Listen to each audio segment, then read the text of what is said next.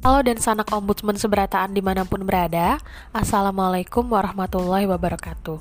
Selamat bergabung di podcast Ombudsman Kalsel Podcast yang membahas mengenai ombudsman dan pelayanan publik. Bersama dengan saya Ita Wijayanti. Hari ini saya tidak sendiri saya ditemani oleh tiga orang narasumber. Yang pertama ada Mbak Yeni Aryani, Kepala Asisten Bidang Pemeriksaan Laporan, dan yang kedua ada Mas Sopian Hadi, Kepala Asisten Bidang Pencegahan Maladministrasi. Assalamualaikum Mas Sopian. Waalaikumsalam Mbak Ini uh, bintang tamu yang lumayan sering muncul di podcast kita. nah yang terakhir ada uh, Bung Togi Leonardo Sitomarang dari asisten bidang penerimaan dan verifikasi laporan.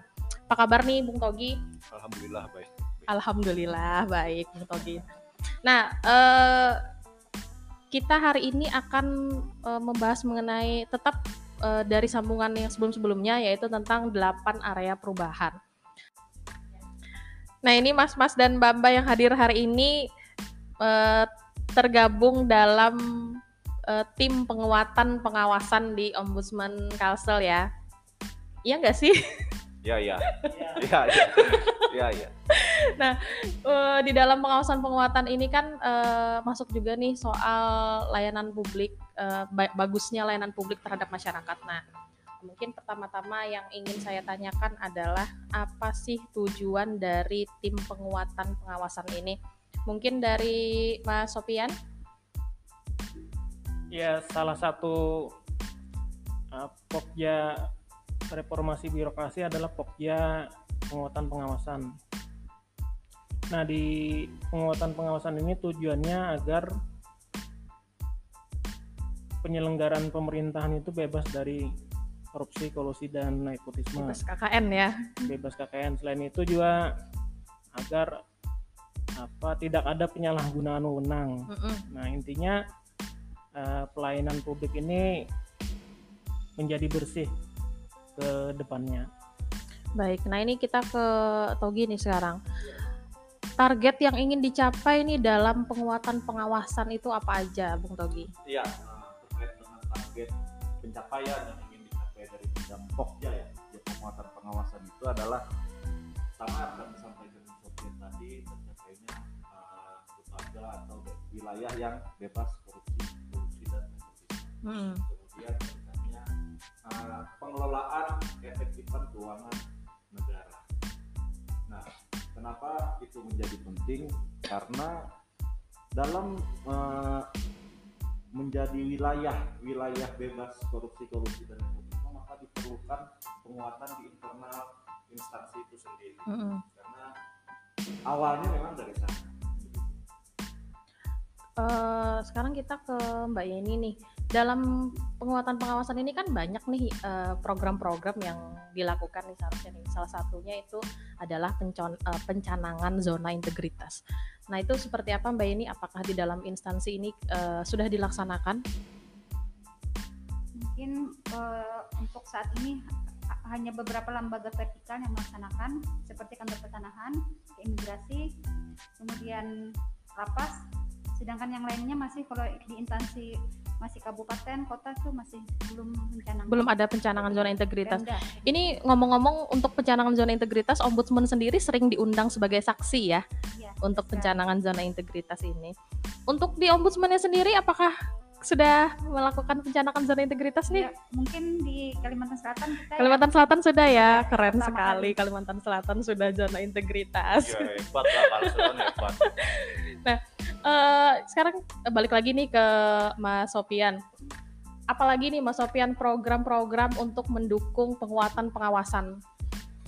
Ya kita sudah melaksanakan uh, pencanangan zona integritas pertama kali di se-Indonesia nih untuk kantor perwakilan. Kalau di pusat sejak 2015 yang lalu mm -hmm. kita sudah mencanangkan.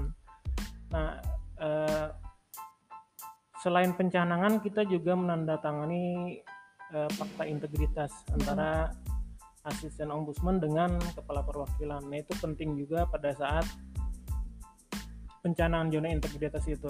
Kemudian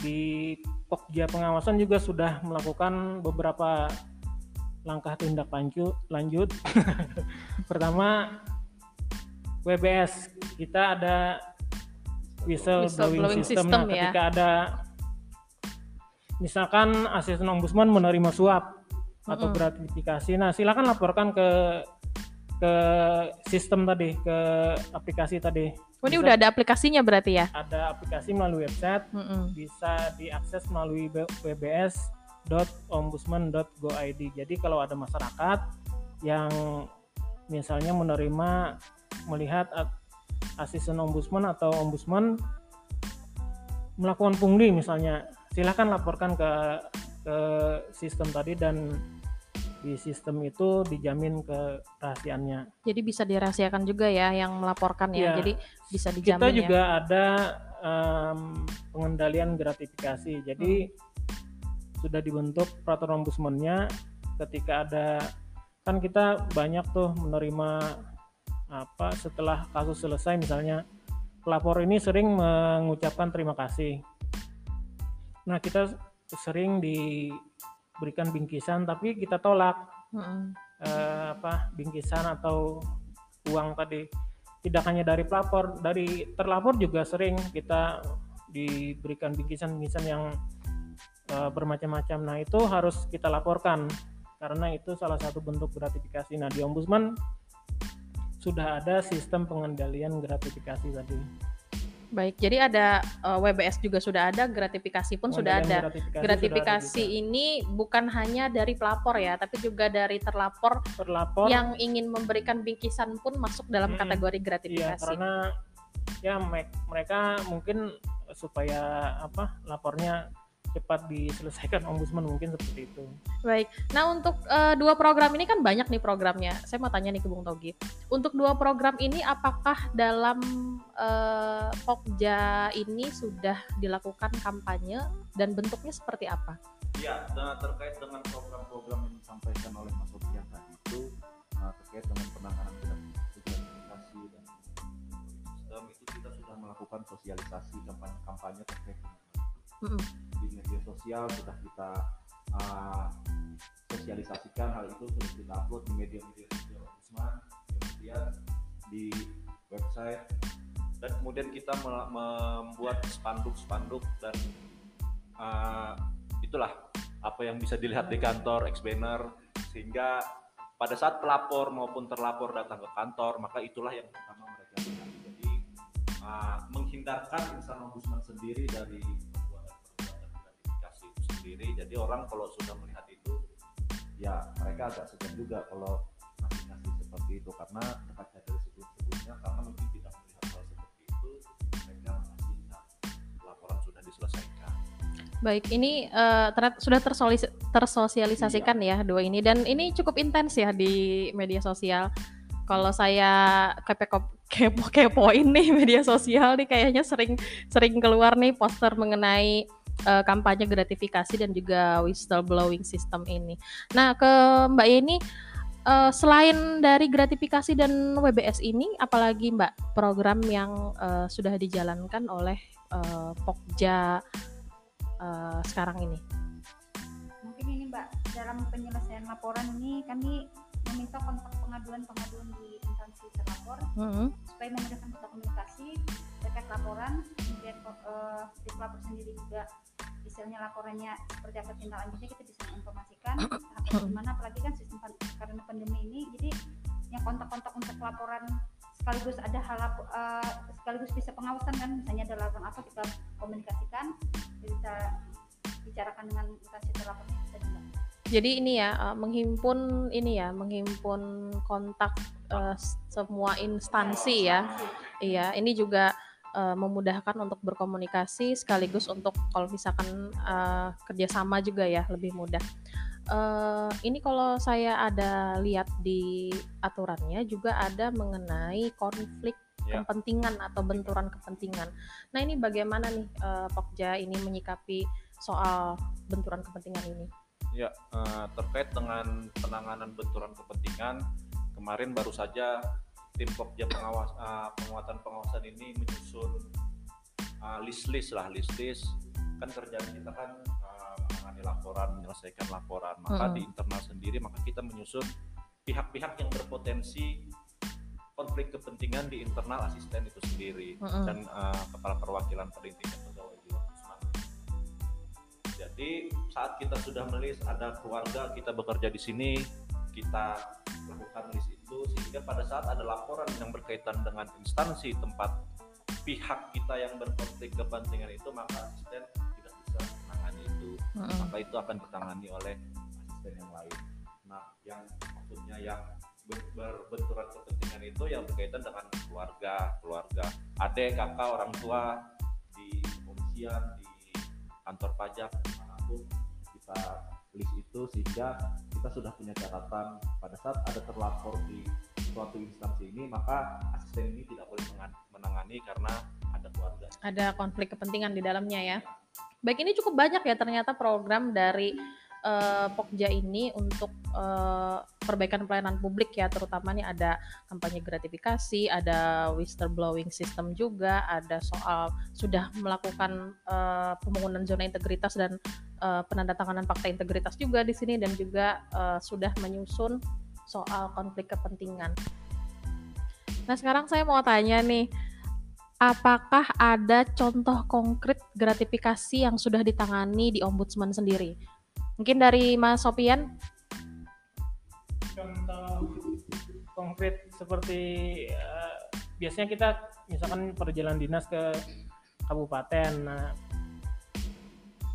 Pemda ini terkadang memaksa kita untuk eh, nggak usah kami aja yang bayarin hotelnya. Nah itu contoh-contoh gratifikasi. Kemudian setiap pulang misalkan dari dinas. Nah Pemdanya mem- memberikan macam-macam bingkisan. Nah itu kita kita tolak karena kita menjaga integritas tadi. Jauh sebelum ada apa pencanangan zona integritas integritas ini kami sudah ditekankan agar di ombudsman ini menjaga betul eh, apa Integritas ya? integritas kita ini. Jangan sampai kita menerima pungutan-pungutan itu. Nah di beberapa perwakilan misalkan sudah ada eh, diberikan sanksi terhadap eh, asisten ombudsman yang menerima gratifikasi. Jadi benar-benar apa ditegakkan soal gratifik apa eh, penegak pengawasan ini. Dan pegawai yang melakukan gratifikasi langsung di, diberhentikan dari ombudsman. Kalau dari pengalaman Mas Sopian sendiri nih, pernah menerima apa nih? Eh, kalau kalau saya sendiri sering ditawarkan misalkan kalau selesai kasus eh, saya akan berikan 60 juta. Nah, dulu ada kasus Kades. Nah, itu 10 di, juta bisa beli ditawarkan. motor dua ya? Iya. Nah, kita sangat di ombudsman sangat disiplin menegakkan eh, apa gratifikasi ini. Bahkan kalau ada pegawai ombudsman yang melakukan penyimpangan langsung bisa dilaporkan ke ketua ombudsman. Di di website ombudsman ada nomor ketua ombudsman. Jadi kalau ada pengaduan tentang pelanggaran yang dilakukan oleh insan ombudsman silakan laporkan ke- langsung ke ketua ombudsman dan akan dilakukan tindakan yang tegas dengan cara memberhentikan. Nah kami di ombudsman sangat tegas. Tidak ada apa Pengecualian ya? pengecualian atau basa-basi langsung di, diberikan sanksi. Karena di sini di ombudsman betul-betul menjaga integritas tadi. Ini, ini menarik sekali nih pembahasan soal pengalaman-pengalaman. Ini pasti satu-satu udah pernah punya pengalaman eh, gratifikasi. Nah ini mungkin ke Mbak Yeni, ada pengalaman apa nih Mbak Yeni soal gratifikasi? Eh, biasanya seperti ini Pak, ketika orang konsultasi itu eh, mereka setelah pulang itu ada beberapa kali memberikan uang kayak bayar konsultasi. Kita tegankan di sini sini gratis. Kalaupun ingin memberikan berikan kami doa terbaik aja. Itu biasanya kami tekankan. Jangan berikan kami apa pun kecuali doa ya. doa kami selalu sehat, kemudian kami bisa dengan sehatnya kami kan kami bisa terus membantu orang. Itu aja Mbak. Kalau dikasih Tupperware belum pernah ya Mbak? Kemarin itu juga salah satunya. karena pernah punya pengalaman dikasih Tupperware kan? benar sekali kemarin menyelesaikan satu kasus kan memang kasusnya masih berjalan diberikan bingkisan satu tupperware satu set kan kan mama biasanya suka Tupperware. itu juga kita tolong kita kembalikan karena memang itu sendiri kan tidak boleh Baik nih. Dulu pernah diberikan orang voucher 20.000 walaupun kecil nilainya tapi kalau itu diterima kan bisa merusak integritas kita. Nah akhirnya kita telepon lagi pelapornya dan kita isikan lagi pulsa si pelapor tadi 20.000 walaupun kecil kan. Oh dibalikin lagi ya? Iya, dibelikan lagi pulsanya. Ini kalau ngeliat dari gelagatnya Bung Togi juga punya cerita yang beda nih soal gratifikasi. Silakan Bung Togi. Ya kalau saya pernah sekali aja sih. Ya jangan terulang lagi lah. Yang kasus tanah dia pembebasan tanah atau pembebasan lahan membangun jembatan salah satu pemerintah kabupaten kota dan si pelapor ini rumahnya itu uh, sudah digusur tanahnya diambil tapi ternyata ganti ruginya belum dikasih berapa tahun. Kemudian setelah ditangani ombudsman akhirnya dia dapat ganti rugi sekitar 90 jutaan dia datang ke kantor mencari saya. Saya temui saya dikasih amplop tuh di atas meja. Dengan tegasnya kita harus tolak itu karena memang ya di ombudsman itu ya bekerjanya ya seperti itu ikhlas Harus ikhlas ya. Berikan Ikhlas. doa aja tadi seperti Dan kata Mbak Yeni ya. Baik nih sebenarnya pembahasan kita ini sangat menarik dan eh, banyak sekali eh, hal yang bisa dilakukan di dalam pokja pengawasan ini. Namun waktu juga sudah eh, lewat dari 10 menit. Eh, jadi eh, saya ucapkan terima kasih atas kehadiran eh, kawan-kawan yang sudah hadir di studio podcast kita hari ini. Mungkin terakhir nih eh, ada closing statement apa nih buat eh, hari tema kita hari ini? Mungkin dari Bung Togi. Iya. Ah, pada intinya Pokja penguatan pengawasan ini ada untuk salah satunya demi menjamin bahwa ke instansi pemerintah terkhusus ombudsman itu sendiri dalam memberikan pelayanan harus sesuai dengan standar pelayanan tanpa ada embel-embel apa pun. Korupsi dan ombudsman kita memberikan pelayanan menjamin terhindar dari korupsi praktek seperti itu. Nah maka kalau ada kemudian asisten di ombudsman atau pegawai di ombudsman yang melakukan penyimpangan penyimpangan maka uh, medianya sudah ada sudah dise- se- disediakan oleh internal ombudsman sendiri tinggal laporkan saja di uh, website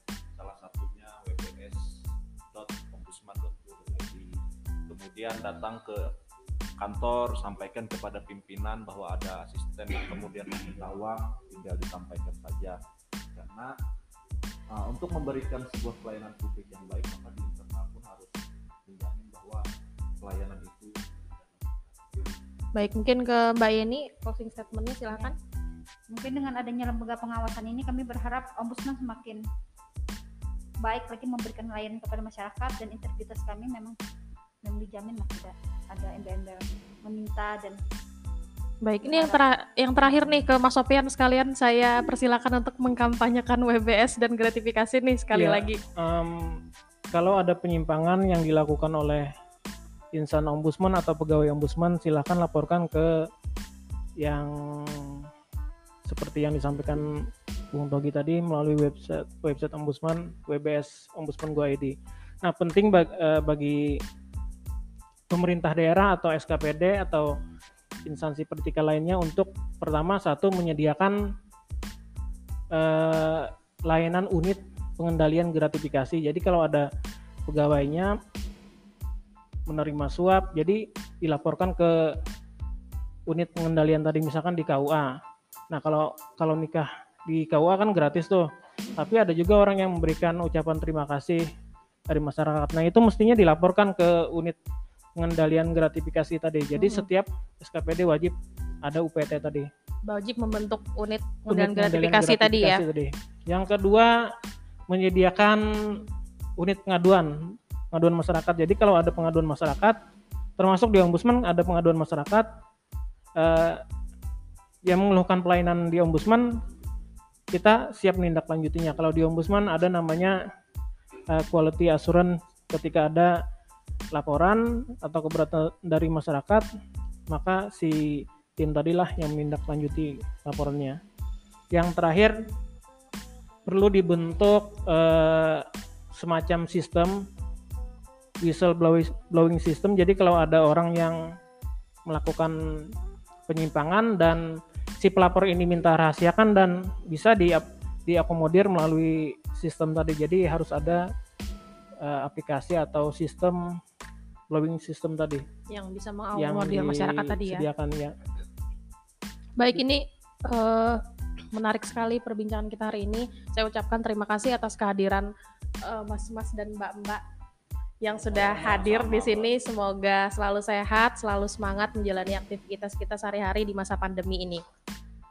Demikian podcast kita hari ini. Semoga dapat menambah wawasan dan sanak ombudsman sekalian. Jika ada keluhan mengenai pelayanan publik, silahkan laporkan melalui nomor pengaduan kami di nomor 0811 165 3737. Jangan lupa juga follow akun media sosial kita di Instagram Ombudsman Kalsel, Facebook kita di Ombudsman RI Perwakilan Kalsel, dan channel YouTube kita di Ombudsman Kalsel. Sampai bertemu lagi di episode podcast kita selanjutnya. Assalamualaikum.